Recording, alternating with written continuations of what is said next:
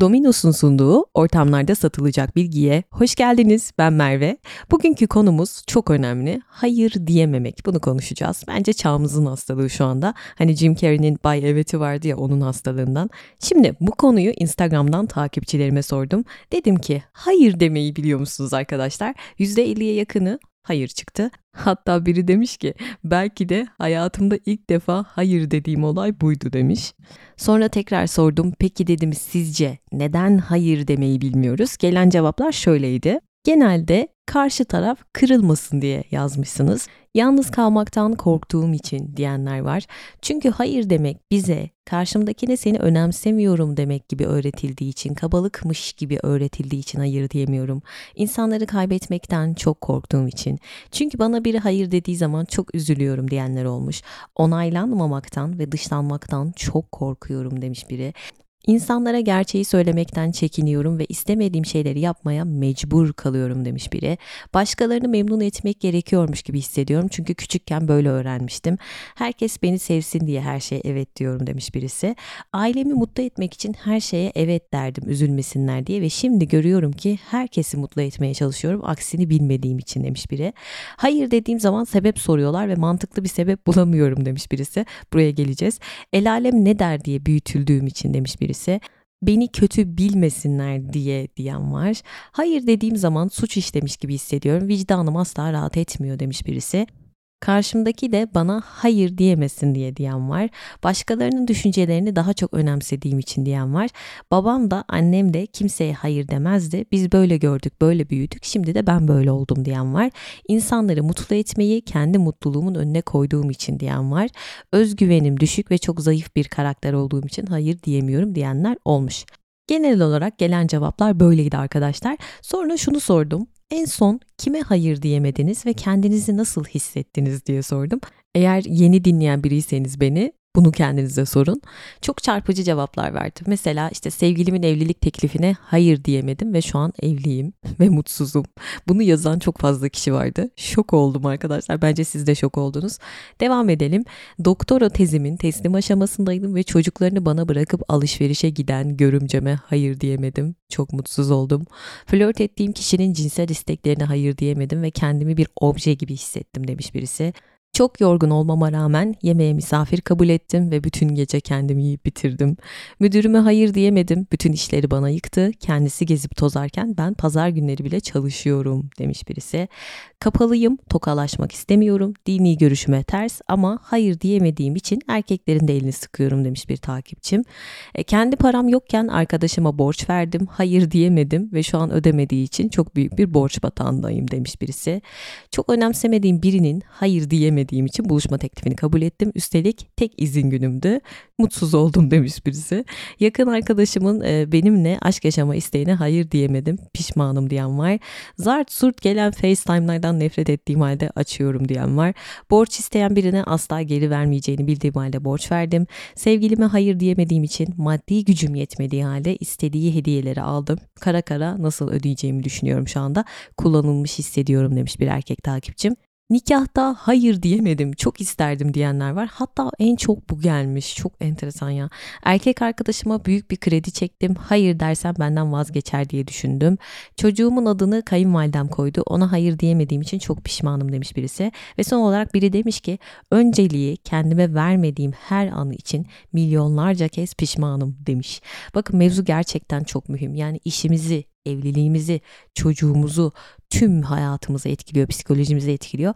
Tamam da bizler neden hayır diyemiyoruz? Buraya gelelim. Çünkü çocukken bize sadece uslu bir çocuk olursak şirinleri görebileceğimizi söyleyen şirin babalarla büyüdük. Yani iyi bir çocuk olmanın şartı hatta sevilebilmemizin ön şartı büyüklerimize, anamıza, babamıza hayır dememekti. Asi olmamaktı. Çünkü bu onunla eşdeğer tutuluyordu çoğumuz koşullu sevildik. Yani şunu şunu yaparsan seni severim. Belki bunu demediler ama hissettirdiler. Ve bir insanı unutabilirsiniz. Size neler yaptığını da unutabilirsiniz. Ama ne hissettirdiğini asla unutamazsınız. İşte o hisler de bizimle beraber büyüdüler.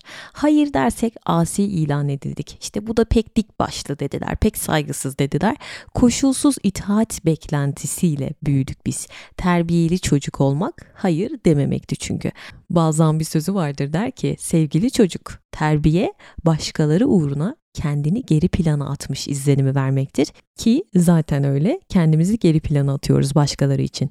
Neden hayır diyemiyoruz? Çünkü ailemizde yeterince onaylanıp yeterince sevilemediysek hala yıllar geçtikten sonra kendimizi onlara ispat etme çabasına giriyoruz ve hayır diyemiyoruz. Eğer çok kardeşiniz varsa yani evde bir rekabet varsa veya son çocuksanız yine değer görme çabamızdan dolayı olabiliyormuş. Eğer istenmeyen kız çocuğuysanız ki hala var böyle aileler bu da bir sebepmiş. Hayatımızda kendimizi var edebilmemiz için ne istediğimizi bilmemiz lazım. Ne istemediğimizi de bilmemiz lazım. Hatta geçen hafta Kubrick podcast'imde demiştim Kubrick'in sözüdür bu. Ne istediğimi bilmiyorum ama ne istemediğimi çok iyi biliyorum demiştik. Zaten Kubrick'in kişiliğini, karakterini hatırlayın. Sizce o hayır diyemeyen biri miydi bir düşünün derim. Terk edilme korkusu var hayır diyemememizin altyapısında. Sevilmeme korkusu, onaylanmama korkusu, yalnız kalma korkusu. Ana sebepler bunlar. Öz değerimiz olmazsa zaten hayır diyemiyoruz. Bu da ailede başlıyor. Aileniz varlığınızı gördü mü, onayladı mı ve saygı duydu mu sizlere? Size değerli olduğunuzu hissettirdi mi? Bu soruları lütfen kendinize bir sorun. Yani hayır diyemiyorum ama niye diyorsanız bu soruları bir soralım kendimize. Bir de herkese evet derken aslında kendimize en büyük hayır demiyor muyuz? Şöyle düşünün, küçüksünüz, eve geldiniz okuldan, canınız kek çekti. Annenize dediniz ki anneciğim bana kek yapar mısınız? Ve yapmadı. Dedi ki çok yorgunum, şu an canım istemiyor, yapamam vesaire bir şey söyledi. Yalvardınız ve o kek yapılmadı. Sonra aradan bir yarım saat geçti ve komşuların size geleceğini öğrendiniz. Komşunun çocuğu da keki çok seviyor ve anneniz bırakın kek yapmayı sofra şovu yapıyor adeta yarım saat içerisinde. Ne hissederdiniz o an? Şunu demez miydiniz? Demek ki bana onun kadar değer vermiyor dediniz değil mi? İçiniz burkuldu.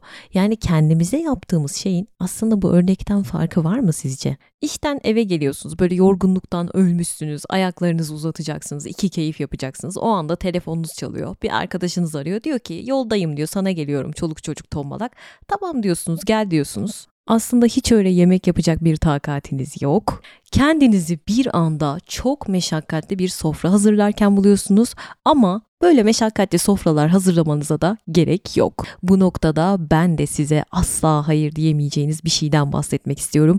Domino's'un dört köşe pizzası Pizzetta hem cebinizi hem sizi zevkten dört köşe yapacak bir lezzet. Fiyatı küçük ama lezzeti büyük.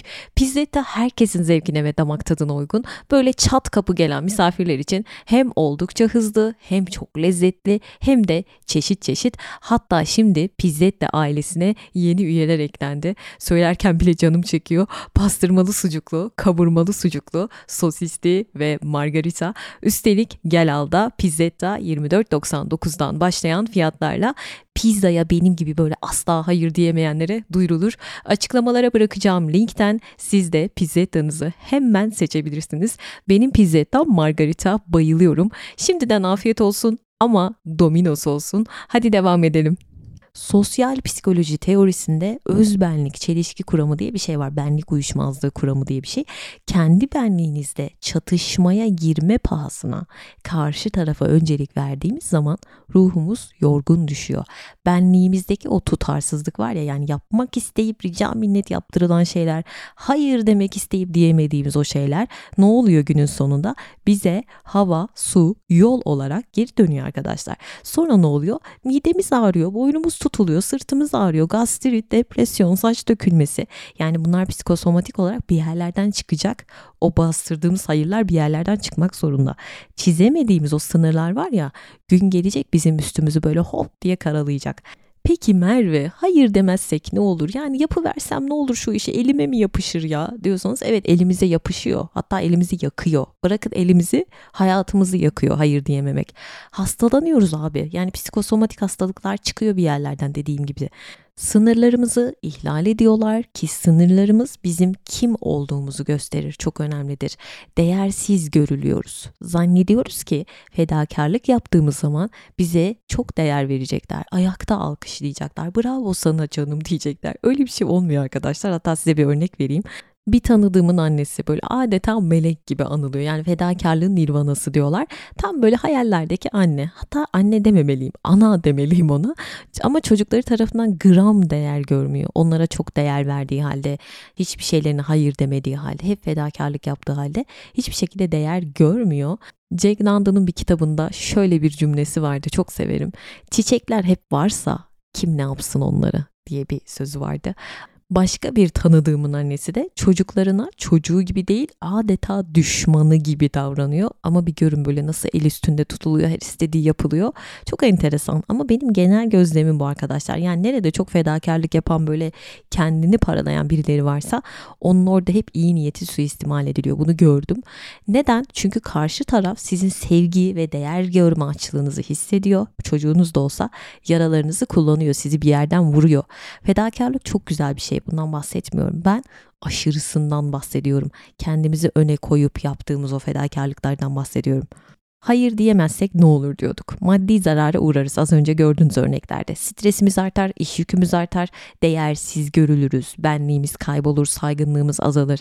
Her zaman her şeye müsait olan birine kim saygı duyabilir soruyorum size. Ya geçenlerde bir tweet okumuştum. Çok hoşuma gitti. Diyordu ki sevdiğin insana karşı zor olmamak için o kadar basitleşiyorsun ki sana değer vermeye bile gerek duymuyorlar. O kadar doğru ki. Bir de hayatımızı yaşayamıyoruz hayır diyemediğimiz zaman. Kendimize ait bir hayat var fakat bunu başkalarının için yaşıyormuş gibi oluyoruz. Geçen bir arkadaşımla konuşuyorduk bu konuyu. Dedi ki annem 65 yaşına geldi ve en büyük sorunu buydu Merve dedi hayır diyememek. Sülalede herkes bütün işlerini ona yıkarmış. Yemeği ona yaptırmışlar. Hastalarına ona baktırmışlar ve bu hastalar yedi kat el. Yani bakabilecek bir sürü insan var ama diyorlar ki o bakar ona götürelim. Hayır diyemiyor ya. Çamaşırlarını bile ona yıkatmışlar. Daha neler neler. Ve diyor ki yani ne bize ne babama vakit ayıramadı. Herkese evet demekten bizi unuttu. Bize hayır dedi. Sonra işte çocuklar evlenip gidince boş yuva sendromu eşiyle beraber kalıyor. Herkesin işi bitiyor. Artık hiç kimseler aramaz oluyor. Yani o anda anlıyor bir ömrünü boşuna harcadığını, heba ettiğini ve hayattaki en büyük pişmanlığım diyor hala. El alem ne der? Bana kötü demesinler, aman beni iyi bilsinler diye hayatımı yaşayamadım diyor. Başkaları için hayatımı yaşayamadım. Hayır demeyi bilmediğim için. Bu örnek de akrabaları tarafından suistimal edilen analarımıza, babalarımıza gelsin. Aslında bu sessiz kuşak dediğimiz dönem var ya işte 1925-45 bandı baby boomerlar ya da işte 46-60 arası ya da X kuşağı 61 ile 80 arası onlara hitap eden bir örnekti. Günümüzdekilerin ben daha bilinçli olduğunu düşünüyorum. Özellikle de alfa kuşağı çok bilinçli bence bu konuda. Çok kolay hayır diyebiliyorlar çünkü daha bilinçli ebeveynler tarafından yetiştirildiklerini düşünüyorum. İşte böyle yani başkaları için kendinizi unuttuğunuz zamanlarda sizi daima hatırlayacaklardır. Hiç merak etmeyin. Çünkü siz feda ede ede zarara girerken onlar çok güzel kar ettikleri için ararlar. Yani sömürülürsünüz iliklerinize kadar hayır diyemezseniz. Sınırlarımızı ihlal ederler, yaşam kalitemizi düşürürler. Kendi kendimize kızarız, küseriz, öz saygımızı kaybederiz. Özgürlüğümüzü kaybederiz en önemlisi. Neden? Çünkü hayatımızın ipleri başkalarının elinde olur. Onların kuklası gibi oluruz. Hayır diyemezsek insanları da küstürürüz. Niye küserler? Atıyorum e, sizi biri arar bir şey rica eder ama çok da olmayacak bir şeydir o. Hayır diyemezsiniz. Tamam hallederim falan diye geçiştirirsiniz. Sonra aradan bir zaman geçer o işi halledemezsiniz. O kişi tekrar arar ama siz o telefonu açamazsınız. Arar arar arar açamazsınız ve daha sonra da küserler telefonu açmadığınız için. Böylelikle hiç gerek yokken insanları kaybederiz. Halbuki işte kırmadan, üzmeden, güzelce, nazikçe hayır demeden bir şekilde hayır demenin yolları var. Geri çevirebilsek bu senaryo yaşanmamış olacaktı. Yani millete yapamayacağımız sözler verirken buluyoruz kendimizi. Hayır demezsek kendi hayatımızdan çalarız. Sezen Aksu'nun dediği gibi o şarkıda. Kendimizi sürekli birilerine işte böyle bahaneler üretirken, yalanlar söylerken buluyoruz ve kendi benliğimizle çelişiyoruz belki bir yerde ya tacize uğradım ve sustum diyenler var. Hayır demeyi bilmediğim için. Bakın bunu yaşayanlar var. Abartmıyorum. O yüzden bir ebeveynseniz ve beni dinliyorsanız lütfen çocuğunuza hayır demeyi öğretin güzel bir şekilde. Bir de hayır diyemediğimiz için zamanımızı da yönetemiyoruz. Yani kendimizi istemediğimiz şeyleri yaparken buluyoruz ve bu şekilde zamanımız da gitmiş oluyor. Hani Nasrettin Hoca'nın meşhur bir fıkrası vardır. Hocanın komşusu bir gün ondan ip istiyor. Hoca da diyor ki ya diyor ipimi verirdim ama bizim hanım diyor ipe un sermiş o yüzden veremem diyor. Komşusu da tabii şaşırıyor. Aman hocam diyor ipe hiç un serilir mi diyor. Nasrettin Hoca da vermek istemiyorsan diyor öyle bir serilir ki diyor. Yani hayır diyemediği için böyle bahaneler uyduranlar el kaldırsın. bir de böyle emrivaki yapar bazıları. Küserim der, trip atar, kırılır, sizi mecbur bırakır evet demeye. Halbuki sen o kişiye hayır demiyorsun ki yani onun isteğine hayır diyorsun. Bunu idrak etmemiz lazım aslında. Bir de dikkat ettiniz mi bilmiyorum Avrupa ülkelerinde bu hayır deme muhabbeti yok yani bizimkisi gibi işlemiyor. Biz hayır diyemediğimiz için genelde böyle açık kapı bırakan bir milletiz. Atıyorum arıyorlar bizi hadi diyorlar sinemaya gidelim ya da işte gece kulübüne gidelim. Ya o anda müsait değiliz ya da gitmek istemiyoruz. Diyoruz ki ya işte belki gelirim. İşim bitsin ben sana döneyim. Ben sana haber vereceğim. Böyle açık kapı bırakıyoruz. Arafta bırakıyoruz karşı tarafı. Bu batılı kafasına çok aykırı bir şey. Çünkü onlar bunu saygısızlık olarak görüyor. Neden? Çünkü sen karşı tarafın vaktini çalıyorsun. Bekletiyorsun onu. Açık kapı bırakıyorsun. Belki diyorsun. Halbuki gelemem diyeceksin. Hayır diyeceksin. Öyle desen ne olacak yani kibarca söyleyeceğiz tabii ki bunu. Küsecek mi kibar söyledikten sonra? Küssün. Çünkü kendi çıkarlarını hep böyle sizden öne koyan birileri varsa, sizin önceliğinizi düşünmen, hep ben, hep ben diyen biri varsa ondan gerçek bir dost olur mu? Soruyorum sizlere. Bu arada ben de yeni yeni öğreniyorum. O hayır deme kasımı bayağı geliştirdiğimi düşünüyorum son zamanlarda. Ama kendi kendime şaşırdığım bir anı anlatmak istiyorum size. E, Vedat Türkali'nin çok sevdiğim bir kitabı var. Bir gün tek başına kitabı. Orada bir Kenan karakteri vardı. Pardon karaktersizi. Karısı Nermin işte bir aile dostları vardı Rasim diye. Onlar arıyor. Diyorlar ki size geleceğiz akşama. Hiç böyle müsait misiniz işte e, uygun musunuz öyle bir şey sormak falan yok. Nermin de hemen gelin diyor. Sonra Kenan işten eve geliyor. Bunu duyuyor geleceklerini duyuyor. Adamı arıyor ve gelmeyin diyor. Ben diyor yatıp dinleneceğim işten geldim çok yorgunum. Mesela ben bunu okunca çok şaşırmıştım. Sonra düşündüm kendi kendime niye şaşırdım dedim. Çünkü ben bunu yapamazdım. Bana çok aykırı ve çok uç gelmişti bu hareketi Kenan'ın. Demek ki ben böyle bir durumla karşılaşsam hayır diyemem diye düşündüm o an. Ki Kenan'ın karakteri böyle inanılmaz bencil, narsist bir adamdı. Belki bazen böyle olmak gerekiyor diye aklımdan geçirmiştim. Kendimizi öne koymak gerekiyor bazen. Birey olmak için zaten hayır demeyi bilmemiz gerekiyor. Ve birilerine hayır derken aslında kendimize evet diyoruz o anda. Yani bu motivasyonla diyelim bence o hayırları. Size narsist olun, egoist olun, bencil olun, Kenan olun demiyorum. Önce kendimizi öne koyalım diyorum. Sonra insanlara yine koşalım diyorum. Ya uçaklarda bile önce oksijen maskesini kendinize sonra çocuğunuza takın diyorlar. Neden? Çünkü önce sen o nefesi alacaksın ki karşı tarafa nefes verebilesin sağlıklı bir şekilde. Bir de hayır diyemeyenlerin yedek bir cümlesi var arkadaşlar. O da şu fark etmez. Fark etmez. Bunu da çok kullanmamamız lazım. Yani uyumlu bir insan olalım derken kendimize yabancılaşıyoruz günün sonunda. Her şeye böyle fark etmez diyen biri hakkında ne düşünürsünüz soruyorum. Fark etmez diyor ne derseniz deyin. İlk başta şöyle düşünürsünüz muhtemelen. Ay ne kadar uyumlu ne kadar tatlı biri dersiniz ama sonra o insan sizin nazarınızda giderek böyle görünmez biri olur. Çünkü bir fikri yok, bir düşüncesi yok, kendine ait özel bir zevki bile yokmuş gibi görünecektir size ve saygı duymayacaksınız bir yerden sonra. Fark etmez. Hiçbir şey fark etmiyor onun için. Bir de şu var ki istemediğimiz şeylere hayır demeyi öğrenip hayatımızın kumandasını ele geçirdiğimiz zaman yani hayat filmimizde o başrolü kendimize verdiğimiz zaman başkalarının istediği kişi değil kendi istediğimiz kişi olmayı başarıyoruz. Kendimiz oluyoruz. Peki kimlere hayır diyemiyorsunuz? Bunu hiç düşündünüz mü? Ve onlara hayır diyememenizin altyapısında hangi duyguyu barındırıyorsunuz? Sevilmemek mi, onaylanmamak mı, terk edilmek mi? Aslında bu korkularımız, bu kaygılarımız bizim davranışlarımıza yön veriyor. Yani ağzımızdan çıkan her evet bunların yüzünden çıkıyor. Ve kökleri yine çocukluğumuzda. Annemin sözünü dinlersem bana aferin der. Bu büyüyünce ne oluyor? Patronumun sözünden çıkmazsam bana aferin der. Buna dönüşüyor. Üniversitede babamın istediği bölümü okursam babam çok mutlu olur. Yani hep böyle birilerini mutlu etmek için kek kalıbına konmuş hamur gibi yaşıyoruz hayatımızı. Yani millete göre şekil alıyoruz. Ya benlik sınırı diye bir şey var ama biz onu bilmiyoruz küçükken öğretilmediği için. Geçenlerde bir pedagog demişti ki eğer çocuğunuz böyle her şeye tamam anneciğim diyen hiç arıza çıkartmayan bir çocuksa orada bir kendinizi bir sorgulayın. Ne kadar bu çocuğu törpülemiş olabilirim diye. Ama atıyorum işte bir şey giydirmek istiyorsunuz diyor ki size anneciğim ya da işte babacığım ben bunu giymek istemiyorum bu benim tarzıma uymuyor diyebiliyorsa kahrolacağınıza deyin ki e ben bu çocuğun demek ki yani benlik sınırlarını iyi çizmeyi öğretebilmişim. Bunu diyebilirsiniz. Çünkü onların şirin babayı görmek gibi bir dertleri yok belli ki. Tek dertleri kendileri olabilmek, kendilerini yaşayabilmek belki de bilemiyorum. Ya burada çakileri övmüyorum lütfen yanlış anlamayın. Hani bazı anneler şey diyor ya çocuk mu doğurmuşum deccal mi belli değil. Bu arada merak edenler varsa hani Merve nasıl bir çocuktu? Deccal kategorisinde mi yoksa usta olursa şirinleri göreceğine inanan çocuklar kategorisi mi? Tabii ki şirinler kategorisi arkadaşlar ama şirinleri görmediğim gibi hayatta daima gargameller ve azmanlarla karşılaştım hayır demeyi bilmediğim için. Bence böyle benlik inşası düzgün bir zemine oturan çocuklar yetişkin olduğu zaman sınırlarını çok iyi çiziyor. Hayatta yaptığı seçimlerin neticesini çok güzel bir şekilde kestirebiliyor.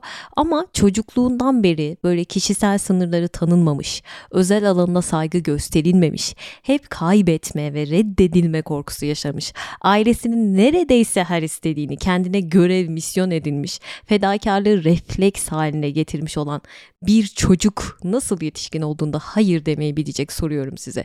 Yani neyi seçip seçemeyeceğini nasıl kendi kendine karar verebilecek ki zaten.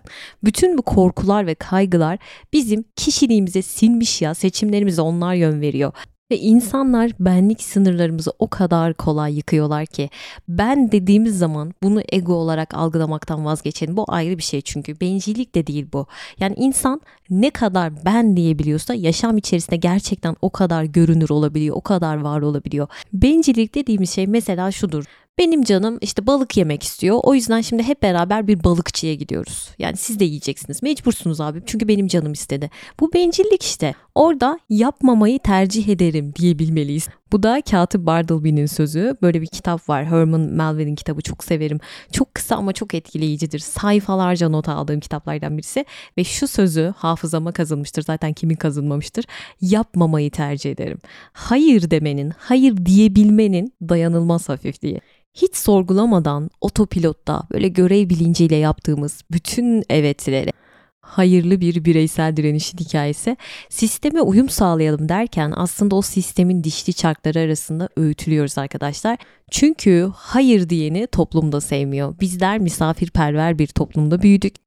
Sistem şöyle işliyor her zaman. İşte önce misafirini mutlu edeceksin. Kendin gerekiyorsa yer yatağında yatacaksın ama belki de özünde hiç sevmediğin, hiç saymadığın o insanı geldiği zaman kuş tüyü yataklarda yatıracaksın. Çok güzel ağırlayacaksın. Kendin gerekirse aç yatacaksın ama onu tok yatıracaksın. Yani bize daima kendini arkaya koy. Bu öğretildi. Ya bizim bir suçumuz yok. Hani ailemiz bize sınır çizmeyi öğretse, hani elinden geleni yapsa yine toplum sizi bir yerde etkileyecek. Toplumdan bağımsız düşünemeyiz kendimize. Çünkü aile dediğimiz şey zaten toplumun bir parçası.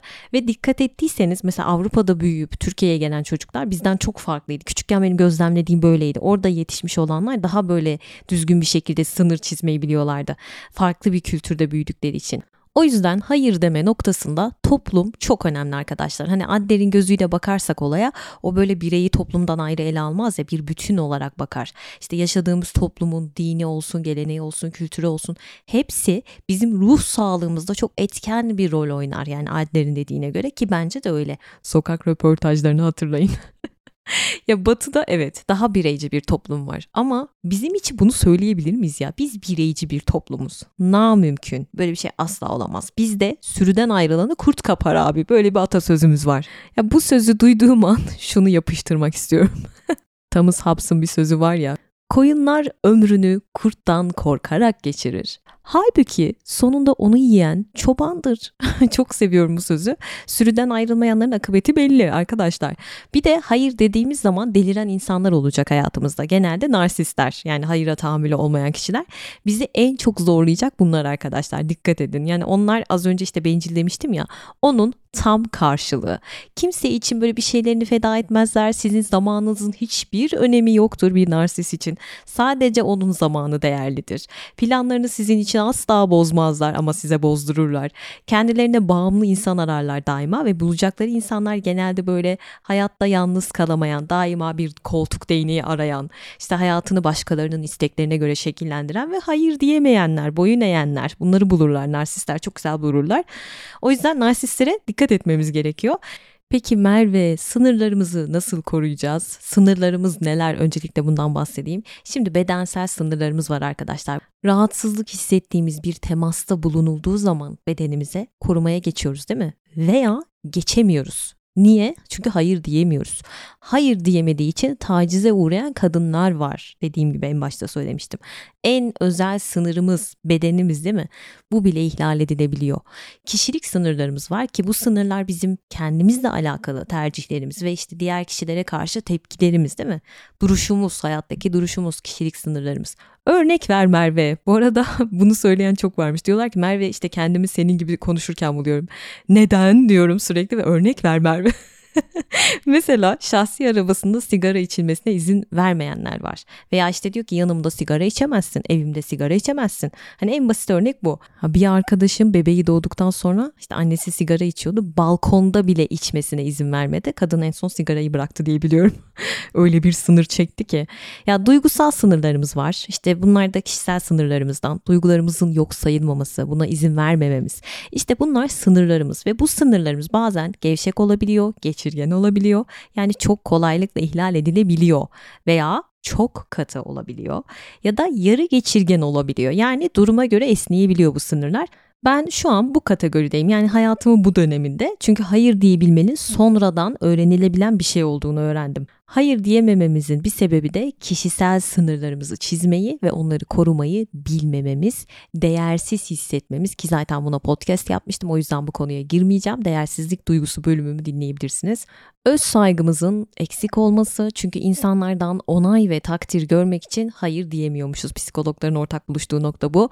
Yani kendimizi onlardan aşağı görüyoruz, onaylasınlar bizi istiyoruz. Her dediklerine hey canım olur canım okey canım diyoruz. Halbuki bizi biz olduğumuz için sevenler lazım. Yani onay beklemekten vazgeçmemiz lazım.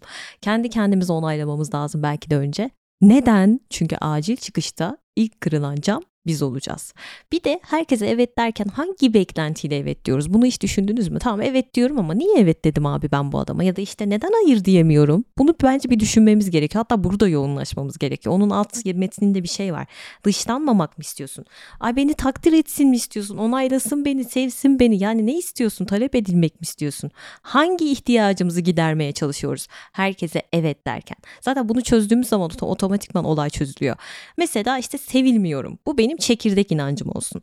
Benden isteneni yapmazsam kimse beni sevmez. Bu da benim ara inancım. Kimseye hayır dememeliyim de otomatik düşüncem. Yani hepsi böyle bir silsile halinde geliyor ve en sonunda da otomatik bir düşünce çıkıyor ortaya. Kimseye hayır dememeliyim ama alt metnini gördünüz. Sevilmiyorum değil mi metni? E, sağlıksız düzeyde sevgi açlığı çeken kişiler zaten en çok hayır demekte zorlanan kişilermiş. Sevgiyi elde etme uğruna aşırı fedakarlık yapmaya, böyle kendimden vazgeçmeye meyilliysem orada sağlıksız düzeyde bir sevgi açlığı var diyorlar psikologlar. Sizi evet demeye iten o motivasyonu bulun önce diyorlar. Bu iş bu şekilde çözülecek. Kendinize bile itiraf edemediğiniz şeyleri itiraf edin. Kimlere hayır diyemiyorsunuz? Buna da bir değinmek istiyorum. Mesela aşırı kibarlara, hayır diyemiyoruz. Ya zerafetini çünkü silah olarak kullanıyor. Ay senin kadar duyarlı biri buna kayıtsız kalamaz diye düşündüm canım. Sen aynı yardımı benden istesen ben yapardım. Beni yalnız bırakmayacağına çok eminim bu durumda. Yardım elini benden esirgemezsin değil mi canım? Ya bakın en zoru kibar, kibar suistimalciler. Bunlar zor, zor grup. Duygusallar var. Duygusallara da hayır diyemiyoruz. Çünkü onlara hayır dediğimiz zaman dünyaları başına yıkılıyor. Ya neredeyse yani ölüm fermanlarını imzalamış gibi oluyoruz. Size inanılmaz bir vicdan yaptırıyorlar. Ağlatıyorlar sizi, kötü hissettiriyorlar kendinizi. İşte ben sana güvenerek yola çıkmıştım, beni yarı yolda bıraktın, sen yoksan ben de yokum, beni sakın reddetme. Bunlar duygusal suistimalciler, bunlara dikkat muhtaçlar var mesela. Bunların da mağduriyetleri hiç bitmiyor. Hep size güveniyorlar. İşte borç yapıyorlar, harç yapıyorlar ama hep size güveniyorlar. Hep de bir beklenti içindeler. Ve o verdiğiniz borçların üstüne bence bir bardak soğuk su için derim. Emri bakiciler var. Uygun musun değil misin hiç sormazlar. İşte ayıp olur mu olmaz mı hiç umursamazlar. Benciller var. Bunlar sınır hat hudut bilmezler anlayışsızlar. Gücünü kullananlar var mesela patronlarınız özellikle veya sevdikleriniz de üzerinizde güç kullanabilir. Mesela çocuğunuz sevginizden emin olduğu için duygusallığınızdan faydalanır bu grup.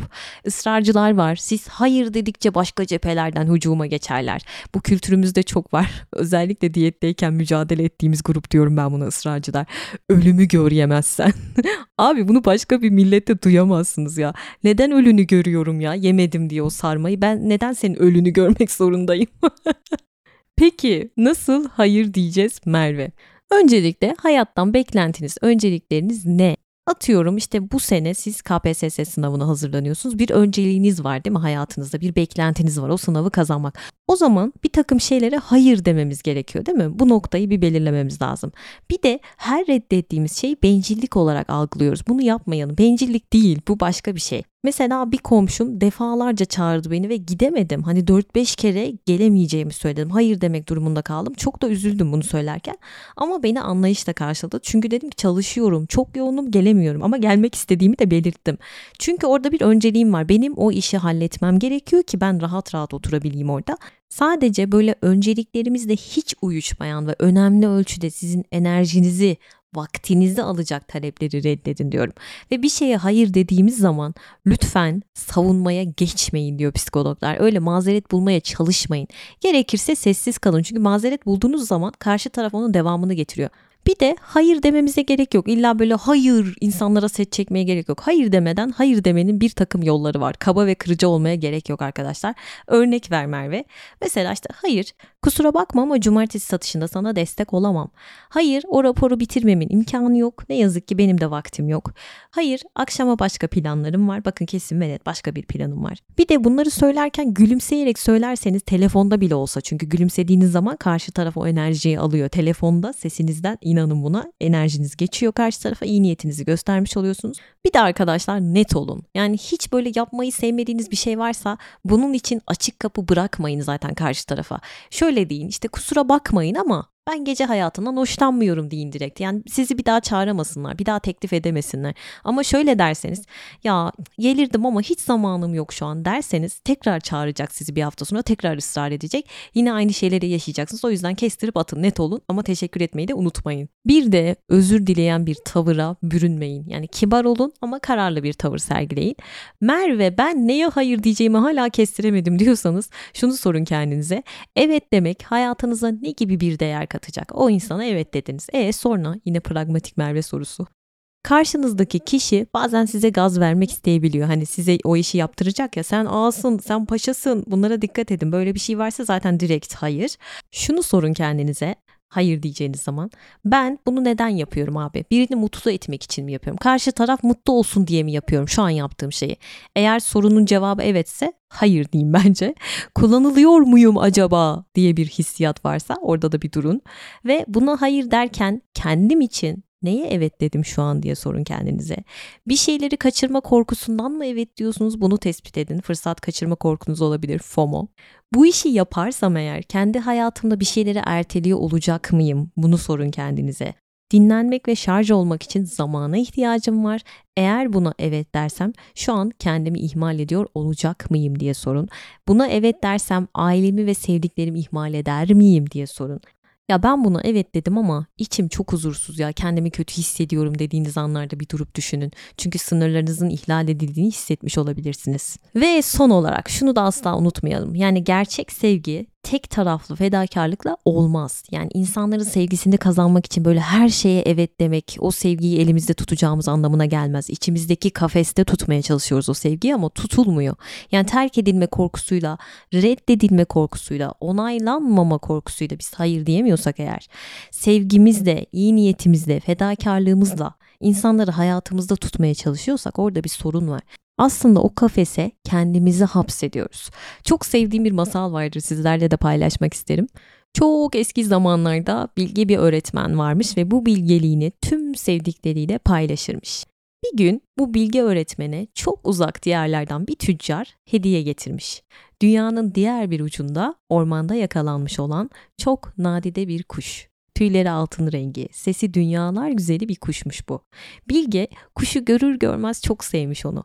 Avucuna almış ve kulağına şarkı söylemesini dinlemiş. Kuşun şarkısı bitince Bilge camı açmış ve onu özgür bırakmış. Tüccar bunu görünce şaşkınlıkla sormuş. Bilge ne yaptın yoksa hediyeni beğenmedin mi diye sormuş. Bilge demiş ki hayatımda aldığım en güzel hediye, gördüğüm en güzel canlı. Onu tüm kalbimle sevdim ve tüm kalbimle dinledim. Ve onu dinlerken kulağıma şunu söylediğini işittim. Lütfen Bilge beni serbest bırak. Aramıza kafesler girmesin. Bana duyduğun sevgiye ihanet etme demiş. O yüzden onu özgür bıraktım. Ne kadar mutlu olduğunu görmedin mi uçup giderken demiş. Ertesi sabah Bilge uyandığında çok güzel bir şarkı işitmiş. Bu o güzel kuşun sesiymiş. Onu selamlamak için geri gelmiş camına. Bilge ona biraz yiyecek ve su vermiş. Kuş güzel şarkılar söyleyip tekrar uçup gitmiş ve çok uzun yıllar bu süreç böyle devam etmiş. Her sabah gelip penceresinde şarkılar söylemiş dünyalar güzeli bu kuş. Derken Bilge bir gün hayata gözlerini yummuş. Kuş açık pencereden içeri girmiş ve yaşlı bilgenin avucuna yatmış ve oracıkta ölmüş. Şehirdeki alimler yıllar yılı bu olayı tartışmışlar. Gerçekte hangisi diğerini serbest bıraktı? Kuş mu yoksa bilge mi?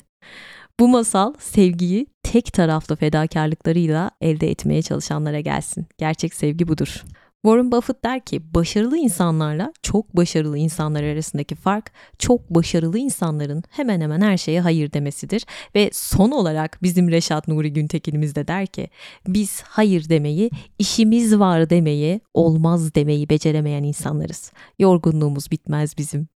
Yorgunluğumuzun bitmesini ve bu podcast'in hayırlara vesile olmasını diliyorum. Domino's'un sunduğu ortamlarda satılacak bilginin sonuna geldik. Açıklamalara bırakmış olduğum linkten sizler de hemen pizzetlerinizi seçip zevkten dört köşe olarak yiyebilirsiniz. Şimdiden hepinize afiyet olsun. Haftaya tekrar görüşmek üzere. Kendinize iyi bakın. Hoşçakalın. Bay bay.